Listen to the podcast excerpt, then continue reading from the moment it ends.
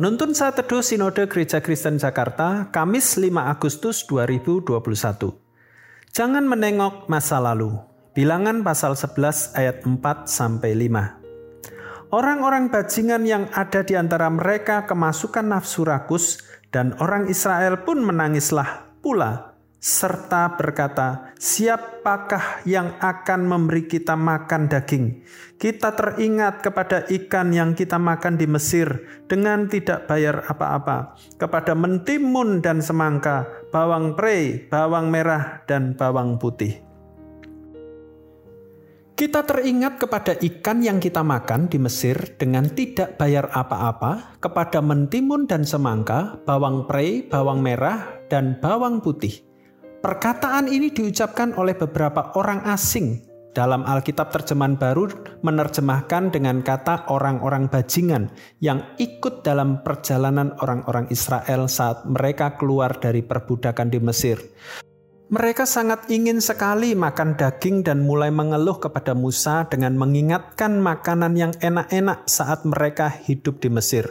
Sesungguhnya, mereka telah melebih-lebihkan daripada kenyataan yang mereka alami selama hidup di Mesir. Mereka berkata bahwa mereka dulu dapat makan ikan tanpa membayar apa-apa, atau dengan kata lain, mereka sudah hidup enak selama di Mesir.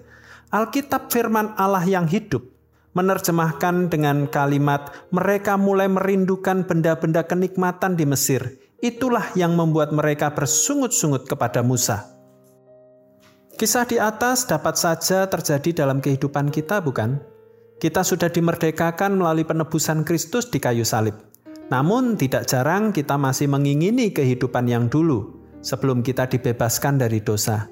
Tidak jarang kita mendengar orang-orang yang justru membanggakan kehidupannya yang lama, saat bergelimang dosa yang penuh dengan hawa nafsu.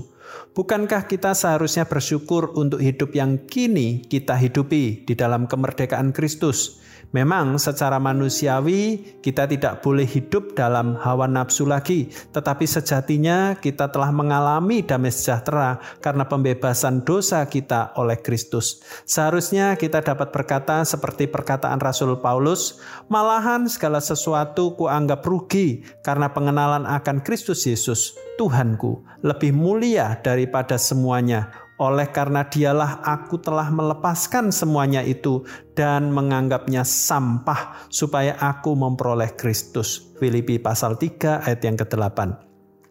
Kita harus benar-benar mampu melihat kenyataan yang sesungguhnya bahwa hidup di dalam kemerdekaan Kristus adalah kehidupan yang jauh lebih baik daripada hidup yang diperbudak dosa.